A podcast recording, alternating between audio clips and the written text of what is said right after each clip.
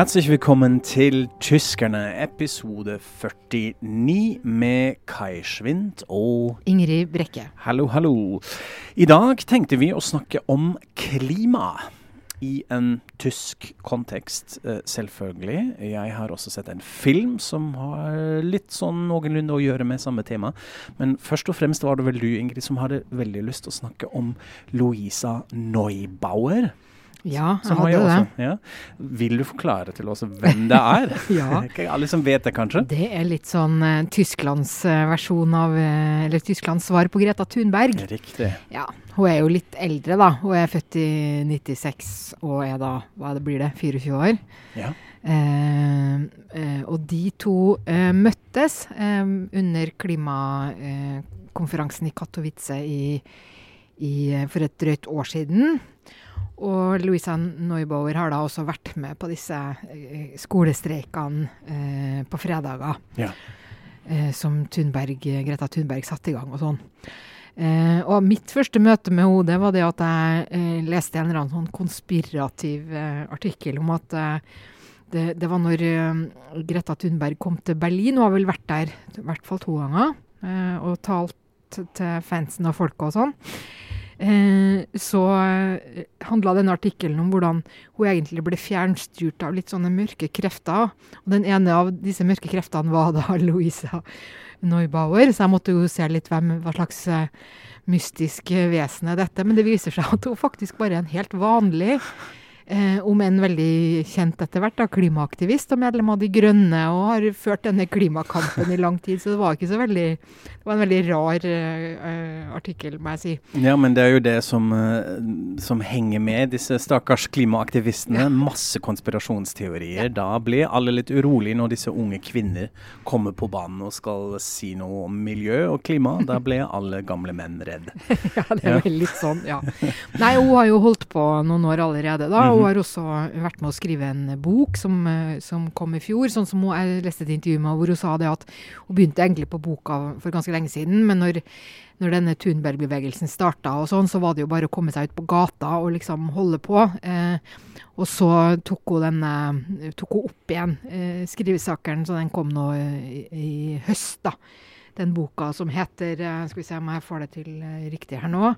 'Vom Ende der Klimakrise eine Geschichte unsere Zukunft', heter den eh, Ja. boka. da. Mhm. Eh, og hun er jo nettopp en av de som er litt opptatt av sånn generasjonskampen. altså at man snakker ofte om det som en sånn Dere som styrer nå, må eh, overlate eh, en god arv til oss som kommer etterpå. Og det gjør jo også at konfliktnivået eh, noen ganger Tyskland blir ganske høyt. Mm. Og et sånn eksempel med Louisa Neubauer var jo nettopp nå. Eh, hvor hun eh, kritiserte Siemens for et sånt eh, kullgruve Altså Siemens, dette store konsernet, for et sånt kullgruveprosjekt i Australia. Og så svarer da styrelederen i Siemens eh, med å si at eh, vi inviterer deg til å sitte i et sånt miljøstyre internt i konsernet vårt. Og så sier hun nei, det vil jeg ikke, for da er jeg bare med på å legitimere dere. Og så blir han litt fornærma, og så sier hun men kan du ikke heller invitere noen eh, skikkelig vitenskapsfolk da, som kan alt om klima? Nei, det ville han ikke, for det hadde de fra før og sånn. og jeg syns det er en, en veldig interessant uh, måte å tenke på det der. At man eh, hva, hva har hun å tilføre annet enn å på en måte uh, legitimere? Ja. Ja. At man har egentlig bare skjønt ok, dette er litt sånn i vinden. Uh, det er fint å kanskje pynte seg litt med disse unge kvinnene som uh, alle snakker om. Eh, men at de er da smartere. Sammen med Thunberg som nekter å snakke med Donald Trump og sånn. Det er jo egentlig samme tilnærming. Ja, det er det samme, hvorfor ja. skal vi snakke om dette? Ja. For det er jo ikke det at de ikke vet det. Altså, det er jo ikke sånn at. At de er ute etter opplysning eller informasjon, eller noe sånt, men de vil på en måte sole seg litt i glansen, da. Som jeg tenker sier jo ganske mye om hvor sterk denne eh, bølgen eh, har blitt etter hvert. da. Mm. Og generasjon er jo et veldig godt stikkord da òg, fordi det viser også at det er ikke sånn unge, naive mennesker som kommer frem, men dette er egentlig folk som er ganske kjent med også hvordan mediene fungerer. Dette er unge mennesker som vet hva de kan bli brukt, skråstrek, skråstrek misbrukt til, og som går frem ganske smart. De, Selvfølgelig sitter de i talkshows osv., men de, de er ikke med alt, og det er også et sånn kjennetegn at, de- at de mener alvor. Mm. Så det er jo veldig bra. Mm. Men hvordan står det da nå egentlig til med klimapolitikken i Tyskland? Skal vi snakke litt, litt om det? det er jo, Ja. Tyskland er jo ofte en sånn slags eh, forkjemper, eller sånn posterboy i EU i hvert fall, eller verden rundt, med klimavennlig teknologi og alt mulige tiltak. Men hvordan ser det ut? Jo, altså eh, hvis man følger med litt sånn i, i tyske medier, sånn, så skulle man jo tro det så helt elendig ut. fordi at man gjør seg ofte veldig eh, man, altså Nettopp fordi man diskuterer det så mye, og det er et sånn hett tema, da, så fokuserer man jo ofte på det som eh, ikke lyktes eller er litt vanskelig.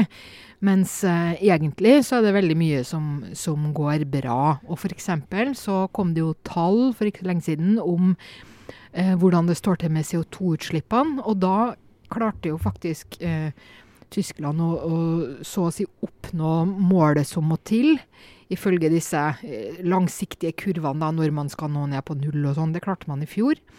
Og man hadde også en eh, fornybarandel i strømforsyning på 43% som også er veldig høyt, da. Eh, I forhold til hva de har klart på bare noen år. Eh, men så hører det til Jeg syns det også var ganske interessant å lese analysen av hvorfor man ligger så bra an med CO2-utslipp. fordi at det er jo selvfølgelig en konsekvens av noen sånne tiltak man har gjort, men det handler nok Det handler også om at økonomien har sakna opp, og industriproduksjonen eh, har, eh, gjør det dårligere. Altså, så det er noen, også noen sånne bivirkninger av um, at de økonomiske forholdene ikke er ideelle. Da. Så det har egentlig ikke noe med noen spesielle miljøtiltak å gjøre fra industrien, men rett og slett at produksjonen generelt har gått ned? Altså, jeg gjetter at det er en blanding, da. Ja, okay. Men, men at Mm. hvis det ikke hadde vært for at man nesten havna i sånn resensjon, altså tilbakegang av økonomien, så hadde man ikke oppnådd eh, det CO2-målet eh, i fjor, sånn, sånn som jeg har forstått det. da. Ja, mm. Så det er jo ganske interessant altså, at eh, ting henger jo veldig sammen her. Ja. Jeg har jo altså nå prøvd å følge litt med hva som egentlig har skjedd med den såkalte energivenden. Altså at man, det at man skal snu strøm- og energiproduksjon ved å gå over til alternative energikilder og uh, med bar bærekraftig tilnærming. Da. Og da føles det litt uh, at f.eks. vindkraft har jo uh, også gått ned.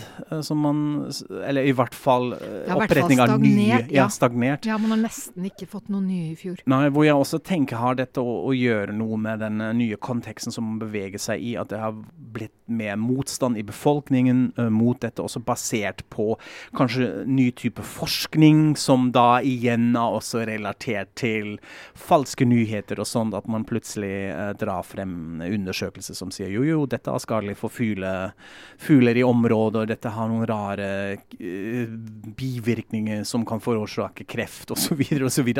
Altså, jeg følte at det har forandret seg veldig mye Mm. hvordan den diskursen er Mm. i offentligheten, og man er mye mer skeptisk mot dette også. Mm. Jeg, jeg, tror det, jeg tror det har skjedd på en måte Det er både det at eh, kanskje de som er mot vindmøller av forskjellige grunner, har fått mer eh, eh, trening. Kanskje har de fått mer støtte i forskning. Kanskje er det også litt mer sånn fake ting. Jeg vet ikke. Men samtidig er det noe med at systemet har også blitt så overflomma av klaging. Og i det tyske byråkratiet må jo disse klagene behandles ordentlig, da. Så det har blitt en helt sånn herre kjempehinder i at man liksom står, stå, Man står faktisk i stampeveldig, og man får ikke tatt de der store grepene, så det er veldig pussig å se, altså. Mm. Ja. Og så har man jo det store spørsmålet med hva som skjer med kull, kullkraftverkene. Og da har man jo satt i gang en litt sånn eh, mystisk eh, kullkommisjon, de Kohlekommisjon, altså en sånn eh, ja, råd, eksperter som skulle se på, komme med anbefalinger til politikken. Hvordan kommer vi oss ut av kull? Eh, og da har man jo sagt uh, na, det får vi til, vi skal ut senest 2038. Uten at man nødvendigvis har en sånn fullstendig tydelig plan hvordan f.eks. disse kullkraftverk, eller også selskapet bak det, skal få erstatning. Dette kreves jo store summer av penger. Eh, eller da hvor man skal håndtere eh, det evige spørsmålet med arbeidsplasser versus eh, bærekraft og miljøbevissthet sted. Og så har det også vært noen sånn nye debatter rundt et kraftverk i Nordrhein-Westfalen som heter Dattelen 4. Uh, som egentlig var uh, fra nettet, men som nå skal tilbake på nettet. Skal begynne å produsere kull igjen uh, mot sommeren. Hvor man har det da store protester mm. imot, mm. fordi man mener ja, dette går jo i feil retning. Vi har jo mm. egentlig klart å legge ned mm. nesten alle, eller skal ut av det. Hva, hva, tenker du om det? Altså, det Nei, hva skjer der? Det er jo også noe med hvor vanskelig Tyskland har gjort det for seg selv, ved at i en tid hvor man har så fokus på CO2-utslipp og at man skal liksom bli kvitt forurensning. Så, så, det man, store grepet man gjorde, var jo at nå skal vi legge ned kjernekraften, som jo ikke har noe særlig CO2-utslipp.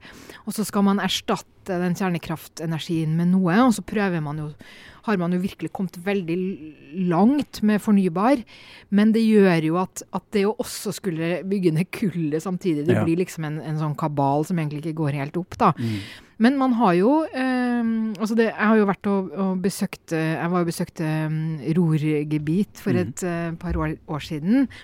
Eh, da, da, det var vel like etter eh, Essen hadde vært Eller hele området var det kanskje, som var sånn ja. kult, kulturhovedstad Kultur, i Europa. Euro, ja. Europeisk kulturhovedstad. Ja, og det var jo kjempeinteressant. Og der, man, der, har man jo bygd ned kullindustrien i ja, eh, flere tiår. I hvert fall siden 70-tallet. Jeg husker ja. ikke helt ennå, men det er kjempelenge. Veldig sånn systematisk og planmessig, og i fjor så stengte man liksom den aller siste kullgruva, og nå er det liksom grønt og mm. Ja. Så, sånn at har jo, Tyskland har jo på en måte erfaring med dette fra før, da, og nå tenker man jo at man skal gjøre litt det samme i, i, i eh, øst også. Eh, og der sitter det kanskje lenger inne, eh, fordi jeg hørte på noen sånn Saksen-radio her, og en dame som sa at ja, men vi har jo nå vært i kontinuerlig strukturvandel, som de kaller det, altså mm. strukturendring. Ja siden 89, og man orker liksom ikke mer. Og det er så vanskelig, ikke sant. Og hva skal man få i stedet, og alt det der. Så det går tregt. Og, ja, og så er det det du sier, altså peker jo også til en sånn annen dimensjon i det hele, nemlig at, eh, og spesielt da når det gjelder rågebit, at dette var ikke bare sånn uh, arbeidsplasser, først og fremst, men også at det har noe med den regionale, lokale identiteten mm. å gjøre. Altså det å være gruvearbeider i rågebit, det å være en kompel, altså det tyske ordet for kompis, som man kaller gruvearbeidere. Det, det har det noe å si hvem man er, hva regionen sto for, hva regionen betydde. Og det er ikke noe som man liksom klarer å snu over natt. Altså, dette var sånn sett uh, man har jobbet med lenge, og jeg syns det er ganske fascinerende å se at det egentlig har gått stort sett ganske smooth. At folk har litt sånn skjønt ja, OK, dette er på en måte en ja, veldig tradisjonsbelagt uh, tilnærming, men vi må forandre dette. Men da tar det litt tid, og det gjelder jo selvfølgelig folk i, oss, folk i ost, øst. Herregud. Jeg bare kom på noe. Det var jo så morsomt når jeg var i, i Ror. Jeg skrev en artikkel for Aftenposten om dette, ja. og han ene jeg intervjua, han var jo sånn jeg husker ikke om han var tredje eller fjerde generasjons gruvearbeider. Ganske ung fyr på et par og 30. Dekka av tatoveringer og drømte om å bli vegankokk. Det er bare noe sånn der, ja, ja. Da tar du bare hele strukturvandel i, i ja veldig kjapt, da. ja, det gjør det. Og veldig sånn 180 grader ja. og snur det. Så det er jo den ene siden, at man har den, den, den, litt sånn lokale, regionale tilnærmingen til klimaspørsmål som Tyskland må uh, forholde seg til. Men så er det jo også EU-ramme, altså mm. europeisk klimapolitikk. Og da ble det jo veldig spennende akkurat nå, nå med Ursula von der Leyen som uh, styrer i EU nå, og som kom med denne Green New Deal. Altså altså et sånn eh, strategi rundt europeisk eh, klimapolitikk. Med målet at man er altså klimanøytralt før 2050. Uh, eh, og Det er litt spennende å se hvordan dette skal fungere. Fordi uh, alle medlemsland som jeg forstår det, har jo egentlig blitt enige om det. Eller har sagt ja, dette er et mål som vi kan uh, være enig i. Bortsett fra Polen, som var i hvert fall mest kanskje sånn skeptisk i offentligheten også, fordi Polen har jo 80% av hele energi og strøm som strømkilde, som kommer fra mm. kullkraft og CO2. Mm. Uh, teknologi, så det er litt, litt, vanskelig hvor de bare sier ja, vi, vi, er gjerne med, men vi vet ikke om vi får det til, uh, akkurat som det ser ut nå. Uh, hvor man da begynner å sette opp ok, det man kaller for en just transition fund, altså en rettferdig transisjonsbudsjett, uh, som von der Leyen også har begynt å jobbe med, hvor man sier vi har her, vi, vi trenger 1000 milliarder euro som skal fordeles på alle disse land. La oss tenke på et tall. Ikke sant? Ja, Hvorfor ikke to, uh, 1000? Uh, og så skal de svake land, eller de land som trenger mest igjen en sånn strukturreform, uh, skal få disse pengene. Og da tenkte jeg jøss, yes, bra, dette, hvorfor vi har EU, kjempebra. Men så må man jo også skjønne at forhandlinger om hele økonomiske rammer til EU, som skal gjelde da i de neste syv årene, begynner bare i år.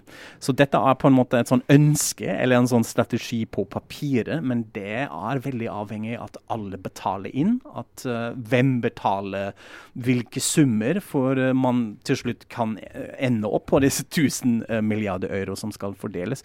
Og det er ikke gitt at man får det til. Og så er det flere eksperter som sier det er sikkert først og fremst Tyskland som tar hovedregningen der, og kommer til å liksom kryssfinansiere disse, disse tiltak. Så dette må man også forholde seg til. Ja. Det er fint med ambisjoner, men det blir veldig spennende å, å følge med om man når alle disse, disse, målene. Og så har man samtidig det som bobler i befolkningen med Fridays for Future og den unge generasjonen som, skal, som krever mer av politikere. Mm. Så ja, spennende blir det. Ja, mm. og det er jo noe med den der kontrasten mellom har du EU-nivå, og så har du nasjonalt nivå, og så har du regionene, og så har du jo også individene, da. For ja. det, er jo, det, er jo, sånn som eh, alltid jeg har eh, blitt så fascinert av, hvor, hvor, hvordan tyskere i, i, større grad enn nordmenn, vil jeg si, føler og kanskje også tar et visst sånn personlig ansvar eh, i disse sakene. Og jeg har jo vært hjemme hos folk eh, som bor i sånn eh, blokker og bygårder hvor de har sitt eget lille eh, Nå har jeg Block Heights-kraftverk, eller hva det mhm. heter. Altså, de lager sin egen strøm i, i kjelleren og sånn, for da har de mer kontroll på hvor den kommer fra. Eh, og alt dette man gjør eh, som, som, individ, enten det nå er Nå har det jo også blitt plastposeforbud i butikken, f.eks., og man går nå rundt med disse eh, lerretsnettene sine. Eh, man velger å ikke fly i det hele tatt, noe som jeg tror er mye vanligere. Eh, jeg ja. har også bare i forrige uke hørt om en norsk student som studerte i Bodø og har foreldre i Oslo, men ikke ville fly.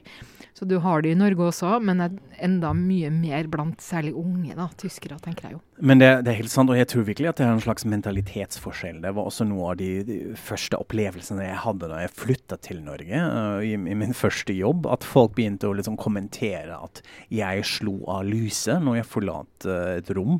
Spesielt på toalettene. litt sånn, Her var det en tysker, fordi sto i mørket.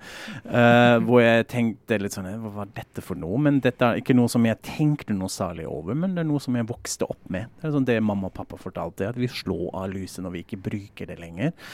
Uh, og det var jo helt tydelig at man ikke tenkte på dette i Norge, hvor det er sånn full lys på hele natta i kontorbygger, også private hjem, hvor folk bare har lyset på i stuene sine når de legger seg osv. Uh, eh, som, som viser kanskje denne holdningen. Nå syns jeg det er litt omvendt. altså Iblant kan jeg oppleve det når jeg kommer hjem til Tyskland, at jeg også syns det er litt mye hvor, hvor folk kan bli opptatt av det. F.eks. faren min, eh, som jeg har opplevd flere ganger. At jeg kommer ned i stua, og det er helt mørkt. og så skvetter jeg fordi han sitter der i mørket i stolen sin og bare hørte på litt musikk, eller skal man tenke litt. Og er miljøvennlig. Veldig miljøvennlig eh, samtidig. Så det er litt ekstremt, men det er helt sant. Dette, dette har forskjeller i, i, mentaliteten. Ja, og jeg har også gjort meg noen tanker om at eh, det denne kombinasjonen av at det er miljøvennlig, men det er jo også økonomisk å spare på ting. At det, dette passer liksom tyskerne ekstra godt, da. Ja. I Norge er vi jo noen uh, sløsebøtter. Vi har jo også hatt mye mer penger mellom hendene enn tyskere har hatt uh, i lang tid. Mm. Uh, så jeg tenker liksom at det vi må, det er for, for nordmenn at vi må tenke at vi skal spare er omtrent like vanskelig som å tenke at vi skal være miljøvennlig. Men ofte handler det jo egentlig akkurat om det samme. Ja, absolutt. Og det er jo også fint at man har den bevisstheten. Samtidig syns jeg det er alltid også viktig uh, å se på hvordan denne offentlige debatten gjør, og det med flyskam osv. Man tenker ja, det er fint at var eneste person tenke seg litt om, men samtidig må man ikke glemme at det er altså storindustrien som står for det, sånn, en stor del Ja. av dette. Ja. Hvordan man håndterer forurensning osv. osv. Ja. Så det er spennende. Uh, men det passer jo kanskje litt. Uh, denne filmen som jeg har sett, Ja, eh, ja, som jeg sett tenkte å, å nevne, i hvert fall fordi dette henger jo litt sammen. En tysk film som nå har kommet til Norge, som heter 100 ting.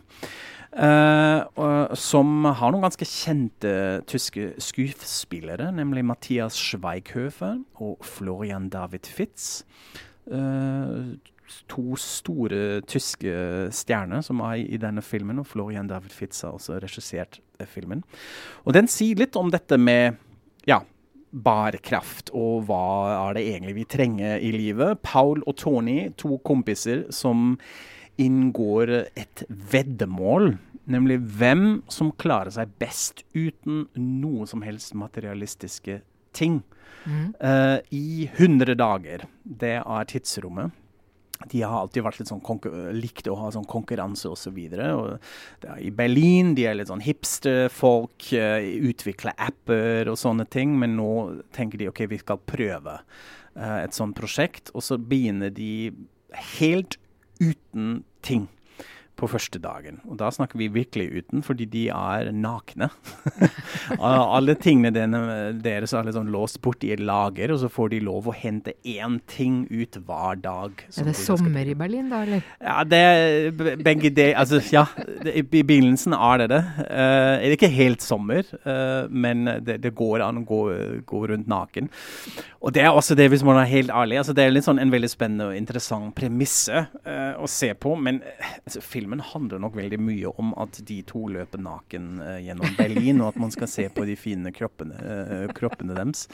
Um, så blandes det litt med en sånn eh, litt overfladisk romantisk komedie, og handler litt som om familie, og hvor viktig bestemora er og sånn. Så de er ikke så opptatt egentlig av det budskapet. Det har nok blitt til en litt sånn fjollete, veldig lettvint komedie. Eh, men ja. Litt morsomt å se, spesielt siden de viser den her i Norge. Så hvis man har lyst til å se en tysk film med tekst, så er det jo fint å se, se på dette. Og det som jeg syns var interessant, og også derfor jeg nevner den her, at man ser nå hvordan det temaet har sånn nådd frem til populærkulturen. Altså at dette er noe som uh, produsentene vet. Dette er det spesielt de unge snakker om. Det å leve bærekraftig, og hvordan klarer vi oss uten egentlig ting som vi egentlig ikke trenger. Å ha en, en bevissthet for hvor ting produseres, hvor mye ting koster osv. Så, videre. Eh, så så var det litt sånn lett å strikke en, en, en kommersiell film eh, rundt det. Og det har nok skjedd i filmen 100 ting, som altså nå går på norske kinoer. Så dere må gjerne se på den og fortelle oss hva dere syns om den. Jeg var kanskje litt kritisk, men kanskje noen av dere syns den er veldig gøy og artig. Det liker vi å høre om også. Ja, sikkert ikke siste gang at vi snakker om klima her. Det er jo veldig spennende å, å følge med også hvordan det store tyske byråkratiet forholder seg til alle disse spørsmålene. Før vi runder av, eh, vi må jo ha et ord i ordspalten eh, vår, og da tenkte vi vi kommer med en, kanskje en liten uh, service i, i, i dag. Vi har jo egentlig en sånn intern, jeg tror vi har kanskje aldri sagt det høyt, en sånn intern agenda at vi ikke liker å snakke så mye om USA og amerikansk politikk og sånn, altså som man snakker så sinnssykt mye om i norske medier. Men allikevel, nå er det jo veldig spennende med valg i USA, og akkurat nå handler det jo også om hva skjer med Donald Trump. Skal han da altså eh, stille for riksrett, som det heter på norsk? Men hvis man vil skryte litt på tysk, så hva betyr dette å stille noen for krigsrett? Altså to impeach på tysk? Og da har vi et fantastisk ord på tysk. Vil du si det, Ingrid? Hvis jeg husker det nå. Ja, okay. ok.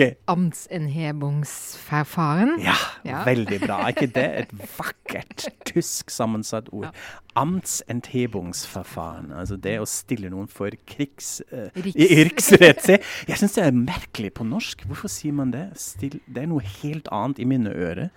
Å stille noen for riksrett. Det høres sånn krigsrett? Skyter Ja, noen? nei, nei altså nå, dette er jo litt uforberedt på, dette spørsmålet. Men, men det, er, det er jo det at man Det er det man trenger. Altså man må ha denne helt spesielle eh, saken som heter riksrettssak, Ja, okay. for at en statsminister da kan bli fratatt uh, makta. Så det er bare det vi har Ja, okay. valgt å kalle det i Norge. Ja. Også, men konseptet er jo på en måte det samme. Det det samme. Men metoden Mm. er jo eh, litt sånn ulik og, Ja. og sånn, da.